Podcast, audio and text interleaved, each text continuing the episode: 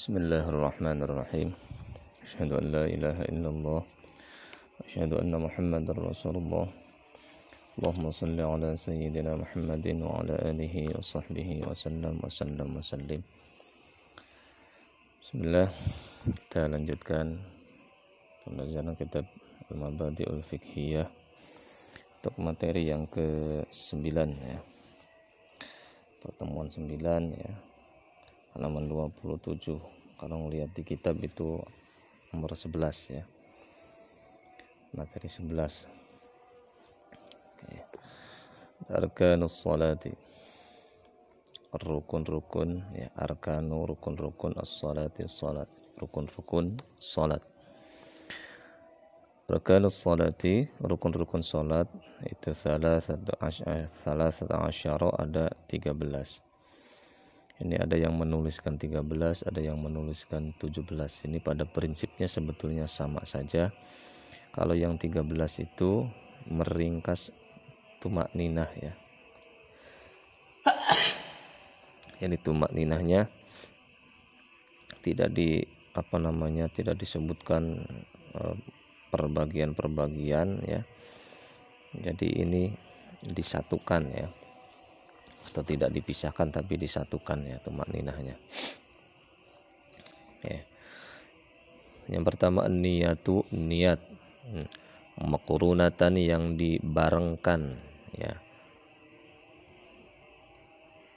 Ma'a takbiratil ihrami dengan takbiratul ihram. Jadi niat itu berbarengan ya ketika takbiratul ihram dilantunkan Allahu akbar. Di situlah niat ya. Yang kedua al-qiyamu berdiri lil qadiri bagi orang yang mampu fil fardi di dalam sholat fardu. Ya, kalau sholat fardu wajib berdiri bagi yang mampu ya. Kalau tidak mampu ya baru duduk. Tidak mampu lagi baru tiduran ya.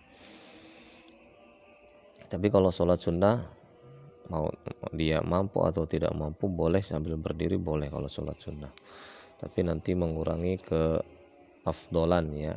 Keutamaan uh, dari berdirinya itu. Yang ketiga ya takbiratul ihrami. Itu takbiratul ihram. Allahu akbar takbiratul ihram itu. Yang keempat qiraatul fatihati. Membaca surah al-fatihah yang kelima ruku'u ruku' ma'at tuma'ninati. Ya disertai tumak ninah tumak ninah itu diem anteng ya. Kurang lebih durasinya itu selama atau sepanjang dia membaca subhanallah berarti kurang lebih berapa detik gitu ya. Itu harus anteng. Tenang tidak ada bagian yang bergerak tidak ada bagian yang masih goyang. Ketika ruku tep mematung diam ya yang keenam al-i'tidalu i'tidal. I'tidal itu bangun dari ruku ya, ma'at tumakninati sama disertai tumakninah ketika berdiri. Berdirinya harus tegak, jangan sampai lututnya masih agak nekuk sedikit sudah turun sujud jangan, kira-kira tegak. Yaitu kalau dikaji dengan kaidah kesehatan ilmu kedokteran itu luar biasa nanti ya.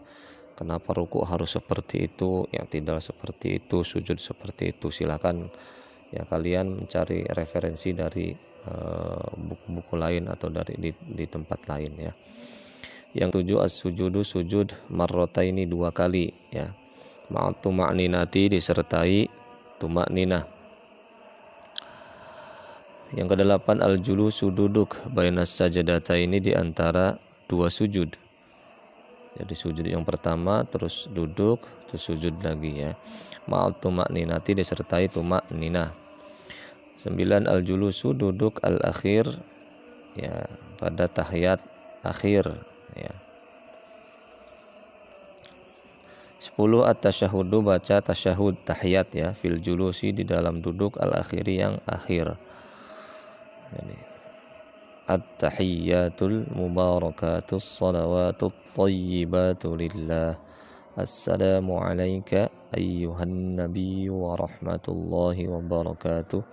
السلام علينا وعلى عباد الله الصالحين sampai syahadatnya asyhadu an la ilaha illallah wa asyhadu anna muhammadar rasulullah itu tasyahud sampai situ bacaannya terus yang ke-11 as-salatu baca salawat ala nabi ya atas kanjeng nabi sallallahu alaihi wasallam fil julusi di dalam duduk al akhiri yang akhir di dalam duduk terakhir itu jadi tadi setelah syarat asyhadu alla ilaha illallah wa asyhadu anna muhammadar rasulullah. Allahumma salli ala sayyidina Muhammad wa ala ali sayyidina Muhammad. Itu minimal sampai situ ya tahiyat itu. Ya jadi kalau misalkan di sholat tarawih yang sholatnya agak ngebut cukup sampai situ itu sudah memenuhi rukun tahiyat ya rukun sholat. Langsung salam nggak apa-apa tapi kalau masih terkejar silahkan lanjutkan sampai fil alamina innaka hamidum majid yang kedua belas ada tartibul arkani, urut-urutan rukun atau men, apa me, mengurutkan rukun-rukun. Jadi tertib sesuai urutan ya. Jangan dibolak-balik dibolak-balik ya. Sujud dulu terus baru ruku ya tidak. Ruku dulu ya tidak terus sujud, duduk di antara dua sujud, sujud lagi. Itu harus berurutan. Yang ketiga belas atas lima tu membaca salam al-ula yang pertama. Nah, jadi yang wajib itu adalah salam yang pertama, menoleh ke kanan. Assalamualaikum. Jadi kalau keburu kita udah ketahan banget, mules banget, terus kentut setelah salam pertama. Assalamualaikum warahmatullah. Tut, kentut. Sudah jangan dilanjutkan salam anggap itu sudah selesai sholatnya. Kalau kita nanti malah uh, malah melanjutkan menoleh ke kiri dengan membaca salam lagi, berarti kita masih berada di dalam sholat. Berarti sholatnya tidak sah karena kentut kitanya. Justru ketika hanya membaca salam pertama saja, terus udah diakhiri sholat tersebut, maka kentut kita itu berarti di luar sholat. Artinya sholatnya sudah selesai, maka tidak harus mengulangi lagi sholatnya. Wong sholatnya sudah selesai. Syurutun niyati syarat-syarat niat. Yang pertama ingkanat ingkanat as-salatu fardon ingkanat in, in jika kanat ada as-salatu salat itu fardon salat fardu wajib maka wajib. Wajib apa? Al-qasdu menyengaja ya. Wa ta'inu dan menyatakan menjelaskan salat apa yang dilakukan. Wa niyatul fardi dan niat uh, niat fardu. Jadi bagaimana? Jadi usolli fardul maghribi salasa raka'atin mustaqbilal kiblati jadi sholli fardol maghribi itu sudah niat. Sholli fardo itu niat fardu. Al maghribi maghrib. Nah itu at-ta'yin maghrib itu. Jadi ketika di dalam hatinya berarti saya niat. Nah niat itu memang sudah menyengaja itu. Kalau mau dituliskan menyengajanya saya niat menyengaja itu lebih utama ya. Sholat fardu maghrib. Nah, itu sudah jelas. Jadi niat menyengaja menjelaskan sholat apa yang dikerjakan, terus bahwa sholat itu adalah sholat fardu. Jadi fardu maghrib itu harus ada komplit. Yang kedua, ingkanat jika ada naflan. Uh, jika ada uh, ing jika ada kanat uh, ada itu sholat naflan adalah sholat sunnah lahu yang lahu baginya waktun waktu au sababun atau sebab waktu itu berarti waktu berarti kayak kalau sholat ini berarti yang rawatib ya kan sholat sunnah kan misalkan ada yang mengiringi sholat fardu ada rawatib ada qobliyah ada dia au sababun atau sebab sebab itu misalkan lagi mau bepergian ya mau bepergian berarti kan ada e, sebabnya. Berarti sholatnya sholat di safari ya sholat untuk bepergian. Atau sebab lain misalkan karena uh, ada jenazah ya. Karena ada orang yang meninggal berarti kan sebabnya menyebabkan kita sholat jenazah. Maka yang wajib ada di dalam niat adalah wajib maka wajib al qasdu menyengaja wa ta'yinu dan menyatakan. Tidak usah disebutkan tidak disebutkan sholat sunnahnya juga apa e, sunnahnya juga tidak usah disebutkan. Hanya menyatakan niat sengaja dan menyebutkan sholat apa. Jadi saya niat sholat jenazah tidak disebutkan sunnah juga nggak apa-apa karena tahu itu adalah sholat sunnah gitu berbeda dengan tadi yang sholat fardu maka harus disebutkan fardunya yang ketiga, wa ingkana jika ada itu sholat naflan, sholat sunnah mutlakon yang sunnah mutlak, oh, tidak terikat apa-apa ini sih. Lah lagi pengen sholat aja gitu. ya karena sebagai tanda syukur kepada Allah kan gitu sholat lagi sholat lagi sholat lagi ada orang yang hobi sholat juga ada kan gitu ya. Bahkan saya pernah diceritakan ada salah seorang yang setiap malam itu katanya sampai 100 rakaat melakukan sholat sunnah mutlak ya. Saking uh, apa namanya senangnya saking ya sebagai tanda syukur kepada Allah telah diberikan nikmat ya. Maka wajib al qasdu niat menyengat jafakot ya. Wungkul wungkul itu berarti uh, apa ya kalau bahasa Sunda tuh wungkul ya. Sajalah kalau gitu fakot saja. Wajib maka wajib. Al qasdu niat menyengaja fakot saja. Jadi cukup usolli ya saya niat ya sunnatal mutlak udah atau usolli mutlakon udah. Saya niat sholat mutlak. Allahu Akbar itu cukup kayak gitu ya seperti itu praktis ya jadi saya niat sholat mutlak karena Allah udah gitu saja syurutul fatihati syarat-syarat al-fatihah nah ini karena fatihah kan tadi kan merupakan sebuah rukun ya salah satu rukun tapi kalau di kitab Safina sih ada sebelum Fatihah itu ada takbir juga di, di, dibahas. Karena terkadang ada orang yang membaca takbir itu uh, ada yang salah ya. Harusnya kan Allahu Akbar. Jangan sampai Allahu Akbar jadi diganti akbarnya jadi wak wakbar. Allahu Akbar. Jangan ya. Atau baknya jadi panjang. Allahu Akbar. Ya salah itu. Jadi ulang Allahu Akbar Nah, kita langsung Al-Fatihah di sini. Yang pertama at-tartibu tertib ya, sesuai urutan ayatnya, jangan dibolak-balik ya. Al-muwalatu ya terus-menerus, jangan berhenti ya. Itu.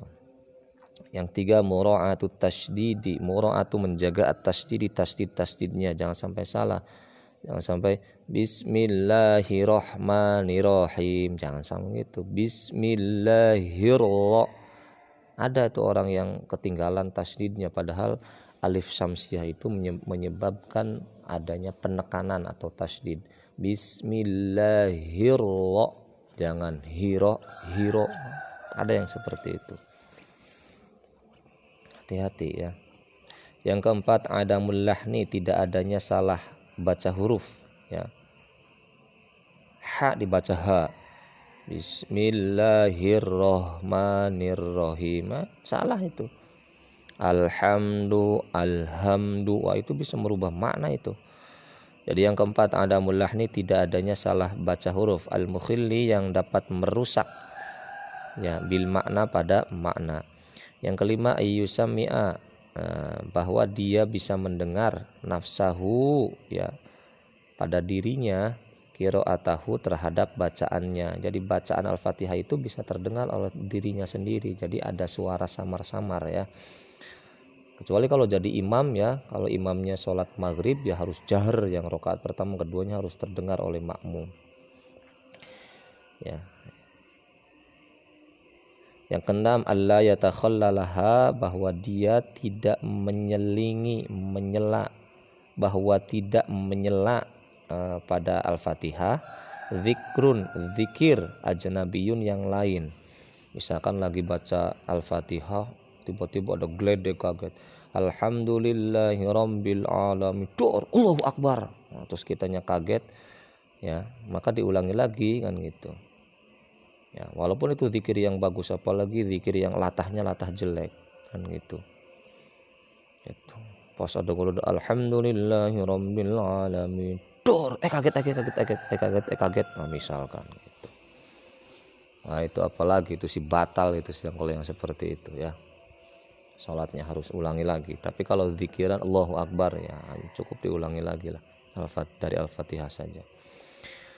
Syurutur ruku'in syarat-syarat ruku. Yang pertama antanala uh, bahwa mendekap ya, mendekap menempel ya. Rohatahu dua telapak tangannya. Rukbatahi pada dua lututnya. Ya, kalau ruku itu si telapak tangan kita nempel pada lutut mendekap ya yang kedua Allah yarfa'a bahwa tidak mengangkat ya. A'lahu pada bagian atas orang ya. Bagian atasnya ya atasnya si orang. Berarti bagian atas kepala. Lagi ruku tuh harus lurus jangan kepalanya malah diangkat mendengak gitu kan gitu. Matanya ya turun melihat ke bawah jangan melihat ke depan. Wayahfado dan merendahkan ajuzahu pada ya pantatnya. Ya, pantatnya jangan sampai ditunggingkan ya lurus kan gitu ya. Wa yuqaddimu dan memajukan ya sodrohu pada dadanya. Wah dadanya malah harus lurus kan gitu. Dada itu lurus menghadap ke bawah ya. Itu eh, syarat-syarat ruku yang selanjutnya. Ya, ada syurut sujud di syarat sujud. Yang pertama ayakuna bahwa ada itu sujud ala sab'ati adoin atas tujuh anggota badan. Apa saja tujuh tuh? Jidat dua telapak tangan, dua lutut dan dua ini apa namanya kaki yang jari-jari kaki yang agak di eh, apa namanya ditekuk gitu ya jari-jari kakinya. Jangan hanya nempel pucuknya doang ya. Jadi si jari kaki itu agak ditekuk gitu ya. Ya jadi dua jari kaki ya terus lutut berarti kan empat ditambah dua telapak tangan enam ditambah jidat ya yang kedua antakuna ada al jabhatu jidat itu maksyufatan terbuka ya jidatnya terbuka jangan sampai tertutup oleh kopiah oleh uh, mukena ya. yang ketiga Allah ya sudah uh, bahwa uh, dia tidak sujud ala syai'in di atas sesuatu ya taharroku yang uh, dapat bergerak bihar biharokatihi dengan gerakannya ya. Jangan sampai duduk di pada tempat yang bergerak karena gerakan kita ya. Ya sadaqallahu alazim wallahu alam bisawab